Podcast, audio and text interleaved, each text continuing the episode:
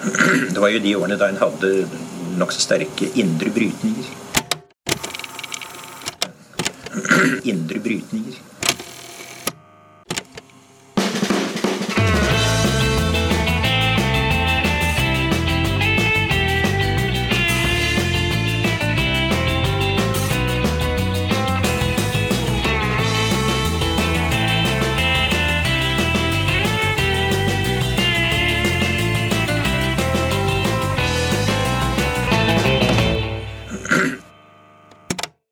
Hei og velkommen til Noen har snakket sammen. Mitt navn er Tiril Rustan Halvorsen. Og jeg heter Aksel eh, Kjellavli. Vi sitter litt sånn på hver vår kant av landet nå, men podkast blir det. Ja da, du er i Stavanger på Coconomics, yes. og jeg sitter på kontoret som vanlig. Så, men eh, med internett går det meste, vet du. Ja, ikke sant. Vi skal ta for oss litt eh, Ja, det gjør vi jo av og til, da, men enda et sånt stort spørsmål den podkasten her. Et av de store spørsmålene er jo hvor mye har egentlig økonomisk vekst å si for et uh, samfunn. Og skal vi tro gjesten i episoden nå, så har det veldig mye å si. Såpass mye at det er det definerende strekket ved det århundret vi har bak oss, ifølge han. Uh, og denne episoden så skal vi ta for oss intet mindre enn det 20. århundrets økonomiske historie. Og det faktum at vi har lagt denne ekstraordinære epoken bak oss. Ja, og gjesten vi har med oss eh, heter Brad DeLong. Han er professor i økonomi ved Berkeley i California og var på starten av 90-tallet sentralt plassert i Clinton-administrasjonen. Eh, og han er kanskje mest kjent for økonomibloggen han har skrevet på nesten daglig siden slutten av 90-tallet. Eh, så vi har med Brad på link fra den andre siden av verden, fra California, da, for å snakke om hans siste bok en murstein ved navn uh, 'Slouching Towards Utopia', an economic history of the 20th century.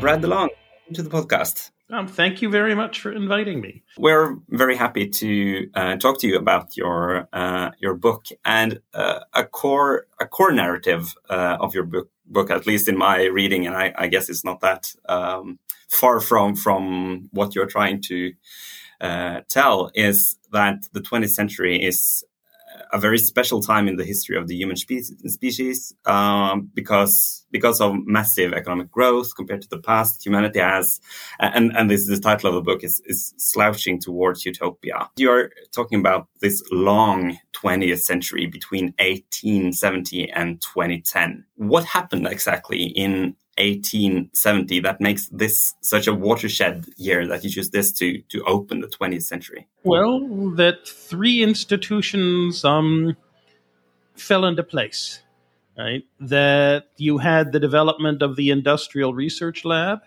which rationalized and routinized the development of modern science and its application through engineering um, to discover and develop new useful human technologies you had the modern corporation, which then rationalized and routinized the, the development and deployment of these new technologies. And then you had the coming of the fully globalized world market with the telegraph network, the railroad network, the ocean going steam propellered iron hulled steamship. Um, that all of those things made it easy to deploy and made it immensely profitable to diffuse, to copy what others were doing, um, these technologies around the globe and that produced something you'd never seen before. Um, that before, you know, humanity had never been able to push the frontier of invention fast enough to more than make up for the fact that growing population was giving us smaller farm sizes and worse raw materials per craftsman. After 1870, technology decisively won its race with human fertility, and we were on the way to a world that was not poor. And why are exactly these factors, in your view, the defining features of the start of the high growth? And why not other factors like uh, fossil fuel technology or state capacity? Well, we'd had fossil fuel technology since this for the steam engine for 160 years before 1870.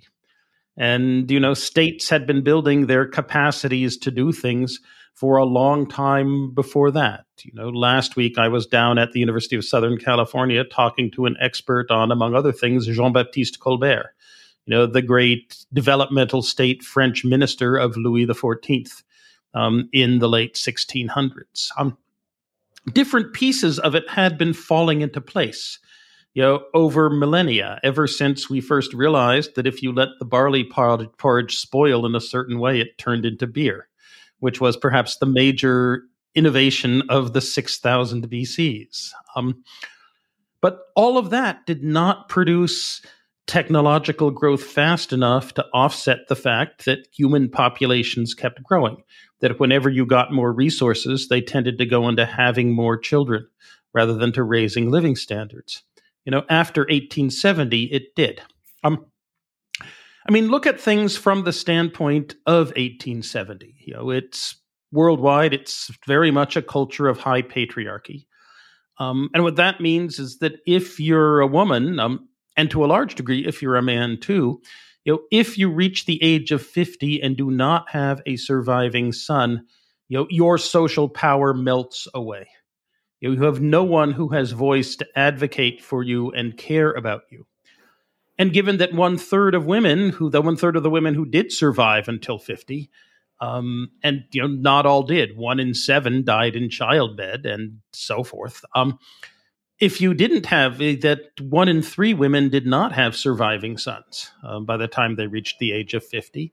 You know, that meant that you know things that would increase human productivity would within a generation or two be accompanied by a rising population and there you were you would have better technology but you'd also have a smaller farm size or maybe the fisheries you know would be significantly more crowded.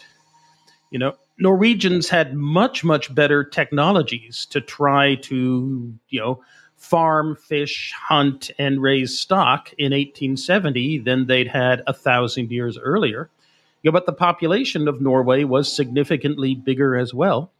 And so, you know, the typical Norwegian in 1870, um, adult male height on average, something like five foot three or five foot four, which tells us about massive nutritional insults in childhood.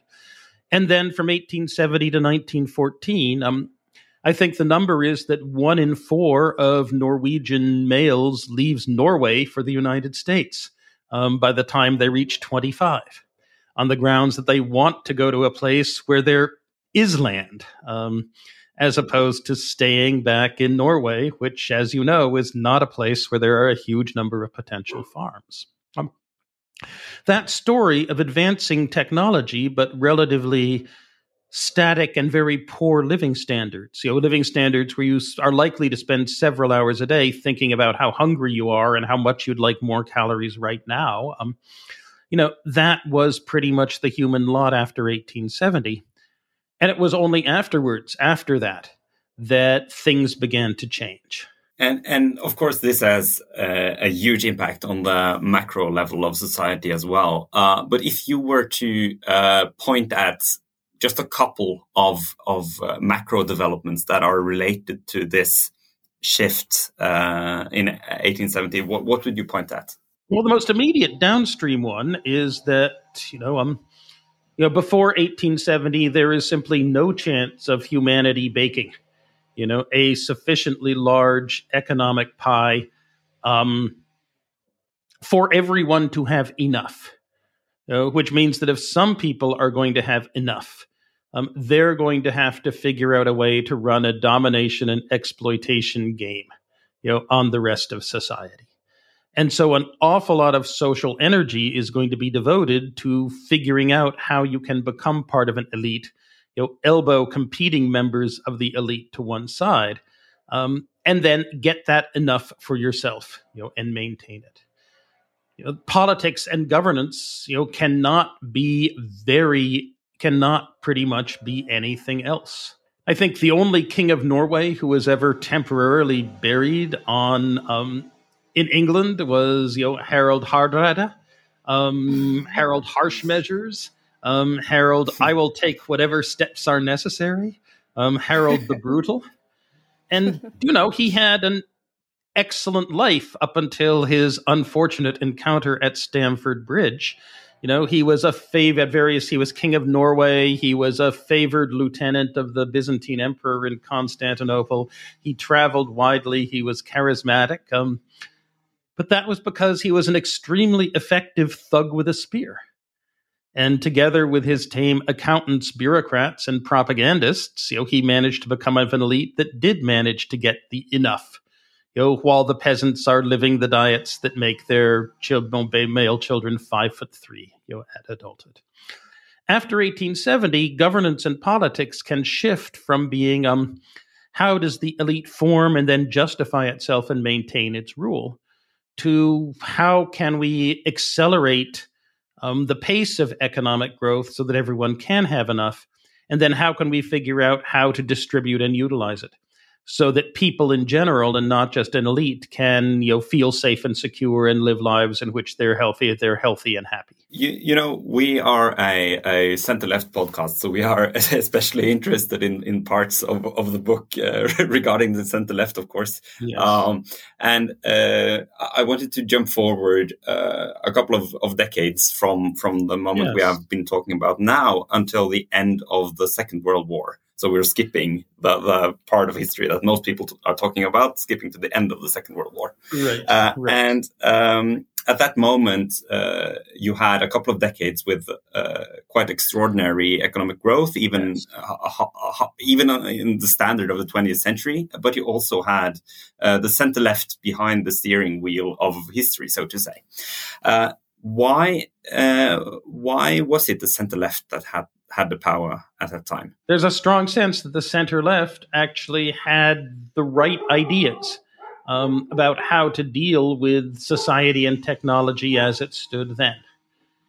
I mean, look, you had gone from, say, a a feudal mode of production of peasants using hand tools in a thousand to you know the gunpowder empire networks of market and commerce in 1650 and by 1870 you were in a steam power economy and by 1900 you had the second industrial revolution technologies you know. Come 1945 you're in the age of mass production with mass unionization and a very large number of workers doing routine routinized and routine things um, in factories you know, on assembly lines. And this means that a world in which you, you know, prioritize keeping employment high, you know, a la John Maynard Keynes, um, produces one in which there is you know, full employment. So even the workers have considerable social power, considerable ability to earn money and to live their lives. And also, full employment is very important for manufacturers simply because of the enormous economies of scale of the assembly line.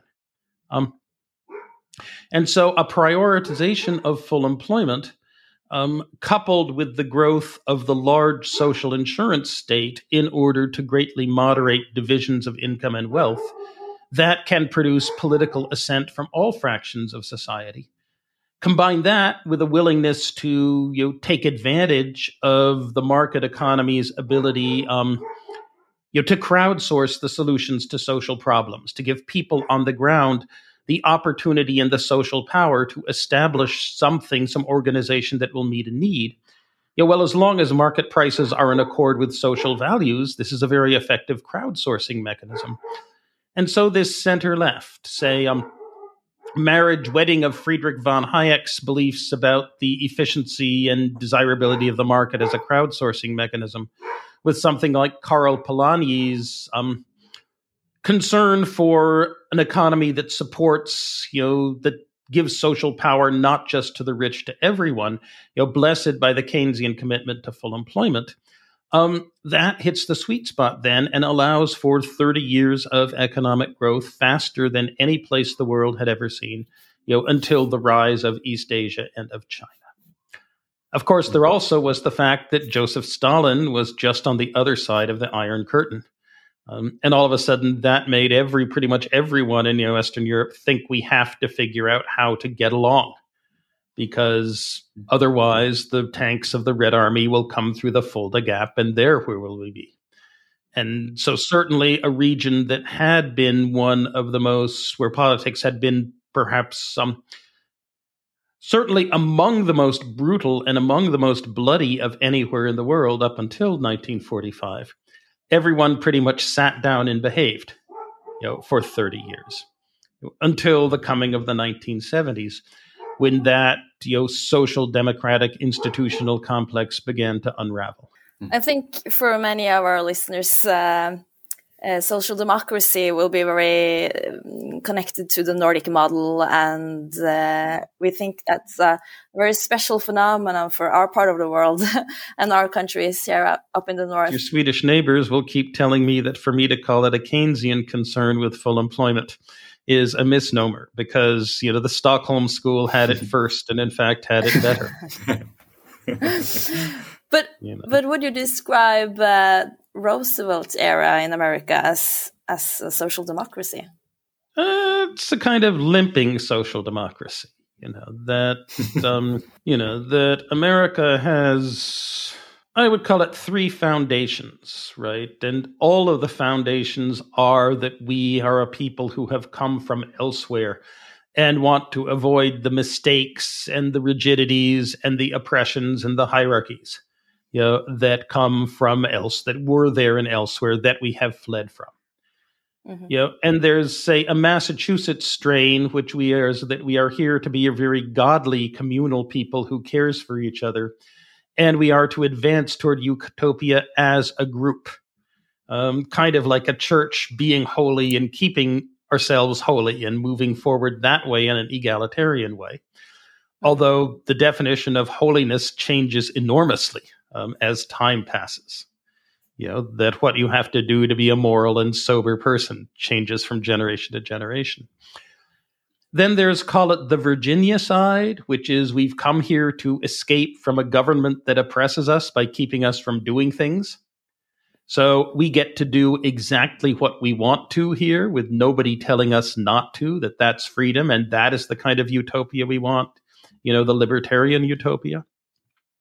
And then there's the Kentucky, which is beyond that, that we're also a people who live on the frontier very close to nature, um, very much close to self sufficient, that we can shoot a squirrel 200 yards away with our own rifles regularly and then boil up stew and then take off its pelt and use that to sew ourselves a coat. And that that kind of closeness to land and self sufficiency is another very strong part of the deep American culture. Um, and you know, the first of these fits very well with social democracy. You know, the other two do not. And Roosevelt, kind of the New Deal order, got as close to social democracy um, in a Nordic sense as the United States can get. But you know, there's University of Cambridge historian Gary Gerstle has a very nice book on the rise and fall of the neoliberal order which starts with the fall of the social democ- democratic order of the New Deal order in the United States in the 1970s. Um, one that was echoed by center right, you know, um, former Cato Institute, you know, intellectual Brink Lindsey, I think yesterday afternoon in a review of my book. Um, you know, about how there was enormous discontent with social democracy in the United States on the right and on the left in the 1970s with the discontent on the left coming from that was over regimented, over bureaucratized, excessively prone to powerful and organized interest groups managing to achieve rent seeking positions in society, um, in which they gathered but did not scatter, um, in which they took but did not produce. And that in the United States, at least, a great deal of the Reagan movement was precisely that we need to provide, you know, more freedom, you know, but not just to produce, but to experiment and to explore. And that, you know, kind of the Massachusetts conformity and the social democratic bureaucracy were things that you would not expect to be a stable political economic outcome in the United States for long. Uh, um, uh, this is uh, partly uh, what I had as my next question. That mm-hmm. how, how much of of uh, the, the fall of the social democratic era is ideational and, and how big part of it, it is material in a sense because on, on the one hand you uh, refer a lot to uh, Karl Polanyi in your book writing uh, of uh, certain rights that that uh, he thinks that humans uh, have and that they will revolt if if they are not taken care of that being the right to a stable community the right to a suitable income and so on and so on and uh, you you could understand uh, the fall of social democracy or the social democratic era in the 70s 80s as uh, people on the right and partly on the left feeling that those kinds of ideas uh, are, are, being violated through the the social democratic system. Or you can uh, understand it as uh, sort of the the high growth system falling apart through the OPEC shock uh, and so on. So uh, I I wonder how much do you think it makes sense to understand it as material and how, how much ideational? Um, well, I would actually like to hide from that argument. And I would like to put up you know, Paul Krugman on the side of saying it was all just the OPEC and the Iranian revolutionary shock. That those producing an inflation outbreak that was badly handled, and you add to that the fact that um, that a depression is very bad for um, those who become unemployed and can't find new jobs. But for almost everyone else, you know, it's a source of fear. Um, and for employers, it's actually a benefit, provided they can still find customers because nobody dares quit. Um, but inflation, you know, everyone feels the economy has betrayed them because everyone feels they have a right to buy things at the prices they expected. And lo and behold, the prices are not what they expected. And so, an outburst of inflation, especially one that continues for a long time, even if it's not a huge inflation, even if it doesn't render your money worthless, is going to make people think that the governing system is incompetent you know, and should be replaced. And Paul Krugman is very much on the side that Reagan and Thatcher were only able to take power because of the OPEC inflation and they then made a lot of promises, none of which they fulfilled, except for producing a much more unequal distribution of income. And we should go back to social democracy because that's where we really ought to be. Maybe with some less rent seeking and some more curbing of overpowerful unions and some debureaucratization and so forth. But that, you know, we really had it, we really had it good then. Um, mm and people like Adam Tooze on the other, who are very much, you know, that we are puppets to the structural forces of history, you know, and it was the structural forces of history that did it. And they did it because ultimately, you know, social democracy was unsustainable in that it gave out too many claims on um, the resources that was society was producing to too many people. And when eventually people showed up with those claims, they found they were not valid. And that you needed to move to a new system in which there would be proper balance between the claims that society was saying people have on what was being produced by society and the simple amount of the claims that was being written. Um, indeed, I think my attempt to duck this thing and to say that I am more on the side of um, you know chance and contingency but that's probably because I was working in government in a medium level throughout the period at various times. And people who work for government always imagine they have more power than they do. Um, that I think that seems to have annoyed Adam Tooze enormously in his FT review. Uh, that he very much wants us all to be on the structural side. you served in the treasury of the Clinton yeah. administration in the early 90s, yeah. and Clinton is famous for a lot of things, but also uh, for saying that the era of big government is over. It is. It is. It and, is. Uh, and looking back, why do you think that uh, the 90s uh, center left uh, accepted this quite? Um, a big uh, part of the agenda of the 80s, right? Why why in the 1950s did the did President Dwight D Eisenhower, you know, it was a very conservative man in his view about what the best society would be. Why did he explicitly say that the only way I can maintain a legislative majority and govern is if I say I am going to be a much better administrator of the New Deal than any Democrat can be? Largely because I do not really believe in all these programs. And so I look at them with a skeptical eye rather than accepting whatever different factions of the Democratic coalition demand as their due. You know, that I am going to spend the government's money on things we really need, like high technology and a nationwide highway system, rather than on what is convenient to Democratic interest groups. You know, and he made that case and he won two terms as presidency.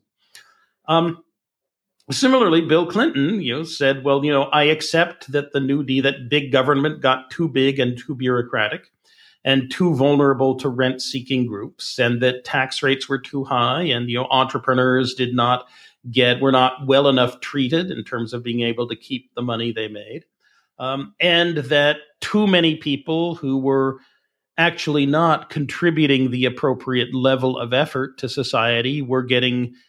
Too many of the benefits that social democracy hands out to people by virtue of their right as citizens rather than by virtue of their work as deserving them. And i accept that. You know but still i am going to implement neoliberalism in very much a kinder gentler way you know um, that i'm going to be a much better steward of it than are you know the people who hold that greater income inequality is a feature rather than a bug you know, that those who are not rich deserve to be poor. And, you know, there was this attempt to find, you can either call it an attempt to um, pretend that neoliberalism was something much nicer than it was. Um, you can pretend it was an attempt to restore the social democratic wolf wearing left neoliberal sheep's clothing. Um, you can pretend that they were confused, but you know, there was um, George H.W. Bush ran for president saying he was going to be a kind, wanted a kinder, gentler America. You know, Bill Clinton wanted to make things, the social insurance state, run much more effectively and efficiently and to end welfare as we know it. Um, even George W. Bush, you know, promised that he was not going to be the kind of ideological neoliberal that Ronald Reagan was, at least at the start, before he mm-hmm. threw off the mask. Um, you know, and that view of you know achieving a point of balance um, was a common one in the 1990s. You know, but you know, Al Gore lost the 2000 presidential election, five Supreme Court votes to four, with zero of the Republican um, Supreme Court justices willing to say, well, if the vote in Florida is impossible to really tell, the fact that the nationwide popular vote is very heavily for the Democratic candidate should have some weight. Um, you know, Nick Clegg, come 2008, um, decided that the purpose of the Liberal Democratic Party is to provide a way for people who won't vote for the Conservative Party in Britain to nevertheless get the Conservative Party in Britain back into power. And do you know it's what was it? The the income gap between Norway and Britain was something like 15% in 2007 and now I think it's something like 35%. Um, that you know it's an absolutely amazingly catastrophic relative downfall um, in mm-hmm. terms of the strength of the British economy you know, as austerity took its enormous toll, which was then followed by the attempt to break most of your commercial links with most of your natural trading partners, uh, all because Boris Johnson had originally thought that he wanted to pose as the defender of of England against a cosmopolitan Europe, and that the right way to do that was to push for British exit from the European Union and lose and then had absolutely no idea what to do when he won. Um, that you know, even an attempt attempts to revive social democracy could not gain durable political majorities, at least not in the United States and the United Kingdom and on continental Europe. And it was in large part because the era of mass production had been succeeded by the era of global value chains and you no longer had the large base of union workers, of unionized workers, um, who saw themselves as having very large interests in common with other unionized workers like them, who also spent an awful lot of their time on assembly lines doing jobs like the one that they did. Mm-hmm. So essentially, uh, as I, I, hear your argument, is that uh, economic growth is is front and center in uh, understanding uh, the political history as well of of the, mm-hmm. the 20th century. And yeah. uh, you, you, mentioned Eisenhower, and he is managing a, a New Deal era with super high growth, so that he right. wanted to continue. Uh, this this um, way of doing politics is is quite understandable uh, if if you mm-hmm. look it through that lens because he wants to deliver growth and the current system delivers growth, but yes. uh, with uh, Thatcherism, Reaganism. Uh, the, the, the, system does not deliver what it says that it is no, no, to deliver. No, yeah, that harder incentives were supposed to re empower the engine of economic growth, and providing more money to the wealthy was supposed to boost investment. Um, you're also supposed to recenter the or reattain the moral center of society, in which people hmm. worked harder because you know there wouldn't be this featherbed safety net for people who did not work hard. Um, plus, there was supposed to be a moral revival um, mm. of people behind you know Lutheran or Calvinist um, beliefs about how one led a sober life. You know, and the whole thing was also supposed to produce a more unequal income distribution so that the rewards to the rich for working harder and truly becoming job creators were greater, and the penalties to the poor for not working hard um, were greater as well. And yet, in the global north, all the neoliberal turn managed to deliver was the very last of these, you know, which is why nobody likes it um, right now. Although I must say, looking around, the other thing, many of the other things that on offer look on consider- considerably worse. Now, as my friend Yingyi Qian says, that if you look at the global south, you know, the the value of the neoliberal turn looks significantly different because mm. there it powers the shift from Maoism to Deng Xiaoping's developmental state in China. And it also mm. powers, you know, the Rajiv Gandhi, Manmohan Singh um, shift away from the British Labour Party inspired post World War II license Raj you know, of hmm. extremely heavy-handed government planning of industry at a very detailed level to try to make the distribution of income and wealth you know, equal, which wound up doing nothing little more than hobbling it and making the distribution of wealth corrupt. Meanwhile, Norway, Denmark, and Sweden are all doing very, very well indeed.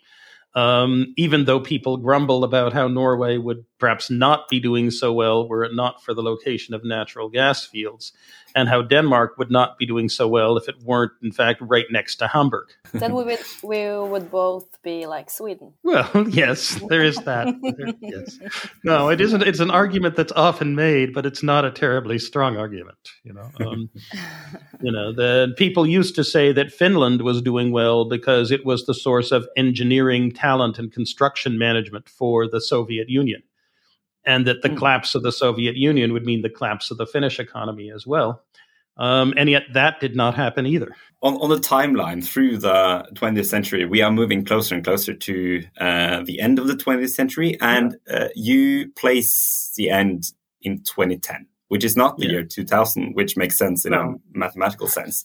Uh, mm-hmm. And it's not 1991 that uh, Eric Hobsbawm, right. the historian, is, is famous for placing it at b- yeah. because of the fall of the Soviet Union. So mm-hmm. uh, I, I, wonder what why is 2010 so fundamental that you move it away from the uh, mathematical year 2000 and away from uh, 1991? know, maybe six things happen. They happen gradually. They happen on either side of 2010. You know, but like our generation of dithering about dealing with global warming comes to an end, you know, and global warming becomes very much a first order problem um, that has to be dealt with now. This year, I think the monsoon is 300 miles away from normal, which means that Pakistan is underwater and the Yangtze River is six meters lower of where it's supposed to be. And there are three and a half billion people in Asia whose lives depend on the, on the monsoon being in the right place at the right time, in the right volume, at the right temperature. And you know, we're destabilizing the global climate in a way that is going to matter and is going to matter a lot. And we really do need to deal with this over the next generation. and so that's a global challenge that you know a neo-Malthusian global challenge that we did not face at any time during the 20th century. When yes, there was industrial pollution, but it was relatively localized. And when countries decided it was time to clean up their act, they could indeed clean up their act and deal with smog and deal with dirty water and so forth. Um, so that's one. The second is we really do seem to see a significant slowdown um, in the rate of technological progress after 2007 or so. You know, that the complex of industrial research labs supported by governments pushing forward technology um, becomes harder and harder to maintain, and in large part because of neoliberal financiers saying, Why is my company funding this thing when most of its benefits are spillovers to elsewhere? Um, and that slowdown in the rate of frontier economic growth you know, is a big deal. It changes the tenor of how society is moving forward because it's no longer the case that each generation is about twice as wealthy, you know, as the previous one. You know, the third is that forms of religious war and terrorism that we thought we had um, more or less outgrown with the death of Gustav Adolf, King of Sweden, um, you know, who sent Swedish troops where, you know, all the way south of Bavaria in order to convince Bavarians that they ought to be good Protestants. Um, that you know we stopped doing that, or at least Europeans stopped doing that after 1648, by and large. Um, but lo and behold, you know, murder and war in the interest of we're going to make you worship God in the right way, you know, is back. Um, and that was number three. Number four was between 1870 and 2000. You know, the world basically um, ran with first the United Kingdom and then the United States, saying, We see a future world of much greater peace, much greater trade, and much greater prosperity. And we understand that as we're the largest economy and the dominant one in international trade, that we need to play a role um, in pushing um, in pushing forward um, this world moving toward you know, a more global, more open, more unified human society. And with the coming of the George W. Bush administration, that very much falls away, and the US begins acting much more just like we're just another great power.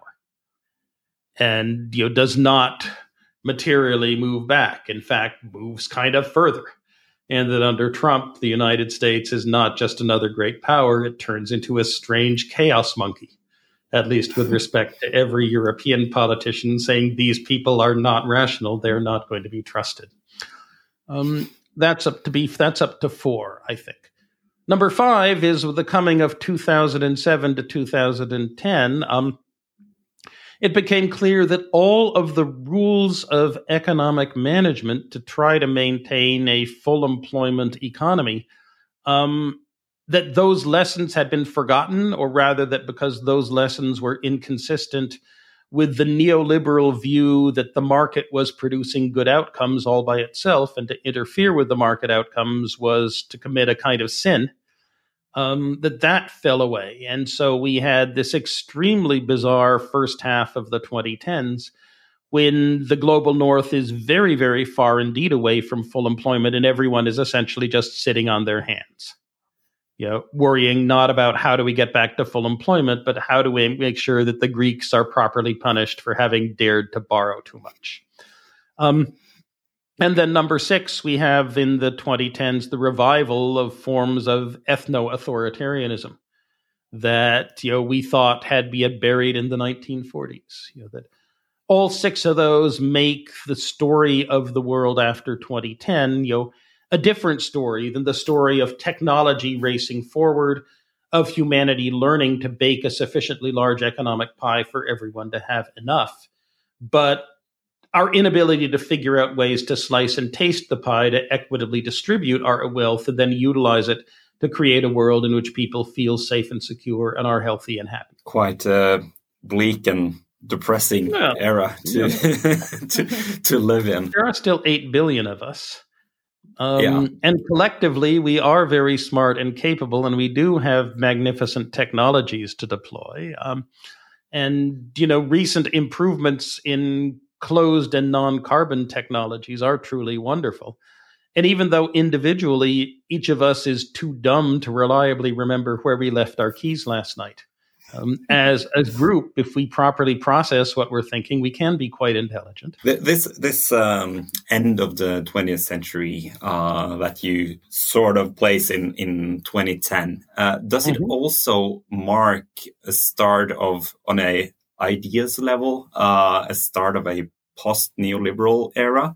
One could point to, for example, yeah. uh, qu- quoted uh, quoted uh, Bill Clinton on saying that the era of uh, big government is over, and I uh, was quite amused with um, James Medlock uh, the, the, Twitter pseudonym, uh, saying that the the era of the era of big government, is over. Is over. Is over. yeah. um, and he was, uh, I saw he was quoted by Paul Krugman, among others, mm-hmm. on that one. and yes. you, you could maybe place. I, I don't know if you you see Biden Bidenism as something post neoliberal. Um people keep saying that the era of neoliberalism is over. Um, and yet it keeps galumphing along in its strange way, you know. Um, that, yeah, you know, supply side progressivism, developmentalism, neo fascism, ethno nationalism of a kind, um, the Chinese challenge, that Friedrich von Hayek's market is fine, but that it needs to have a Leninist party. Um, coupled to a Confucian, a Master Kung view of the responsibility of governance to actually work um, that after all, if um, if you went into a restaurant and if um, Xi Jinping was its manager, you might say, "God, this is a nasty guy," but at least the food will be cooked well and will come out on time. If you go into a restaurant and it's Boris Johnson or Donald Trump who's the manager, you you will turn around and leave. You would say, "I don't want to get food poisoning. I don't know what's going on um, back in the kitchen." That yes, that you know the the neoliberal turn seems to have gone, seems to have spoiled. But what will replace it now is very unclear, and I do not, in fact, see any significant any significant political movement that has a potential mass base to replace it. So I'd say it's an era of confusion rather than an era of renewal. Hmm. You know, but then John Maynard Keynes said the same thing in the 1920s, and we did indeed get you know, um, the renewal of social democracy um, in the 1930s.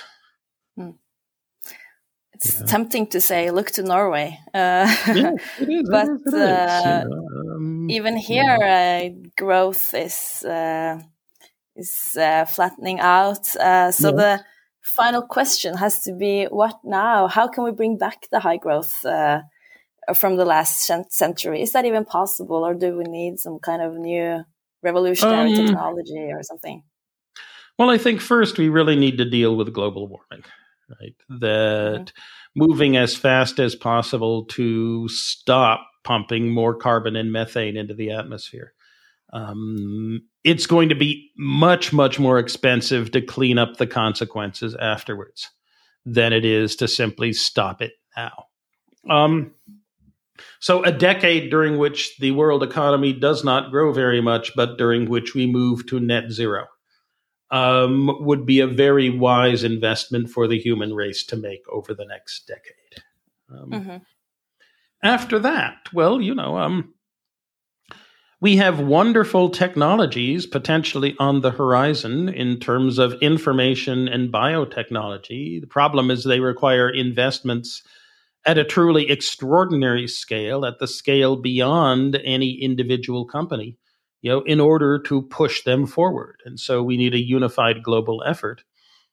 And then we very much need to think hard um, about how we are going to make these technologies useful um, for us. When I was young, I would read science fiction novels, and some of them would have futures of marvelous technology and humanity of immense power to do and accomplish things and others would have worlds in which people were brainwashed and terrified by propaganda messages coming through their televisions, and worlds in which killer robots were stalking the skies looking for targets. Um, and you know, I kind of thought I would might grow up. I didn't think any of these worlds would come in my lifetime, um, and it seems that all three have. Yeah, um, right now, I do indeed have elderly relatives who are being terrified by what comes through their screens. Um, all because people when they think if they can glue their eyeballs to the screen, they can sell them ads for fake diabetes cures and crypto funds. Um, and as we know, there are killer robots stalking the skies over Ukraine and Syria right now. Not the positive, optimistic answer. sorry. Okay. sorry. sorry. Sorry. Sorry. Look, look. Crushing all our dreams. Look, look. Even 170 years ago in Norway, your children, your your your boys would be five foot three at adulthood. Um, and you know that would be a sign of how malnourished they were and half of them would die before the age of 5 and you know i don't know what having only enough calcium and protein to make you 5 foot 3 at adulthood what that does to early childhood and in utero brain development but it's unlikely not to do anything right that hmm. you know my great grandmother in the 1960s um, Back then, she asked my mother how if, if she'd lost any teeth when she was pregnant with me. Um, the idea that pregnancy used to be something in which you know there's there's a fight over the calcium, right, between the baby and the mother, and usually the baby wins to the extent of one or two of the mother's teeth. Um, and we're not in that world anymore, and that's a very nice thing. Let's end on that more positive note. Uh, Brad, thank you so much for joining the podcast. You're very welcome. You're very welcome. Thank you.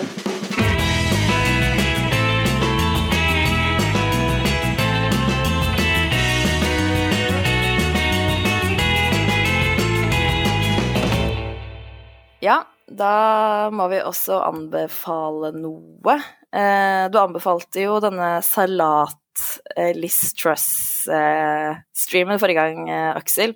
ja, jeg følte meg passe, passe dum akkurat idet vi trykte av record, fordi Liz Truss gikk av mens vi spilte inn podkasten. ja. Men gjort var gjort, så Ja, ja. Jeg er veldig glad for at jeg veddet for salaten. ja, ikke sant.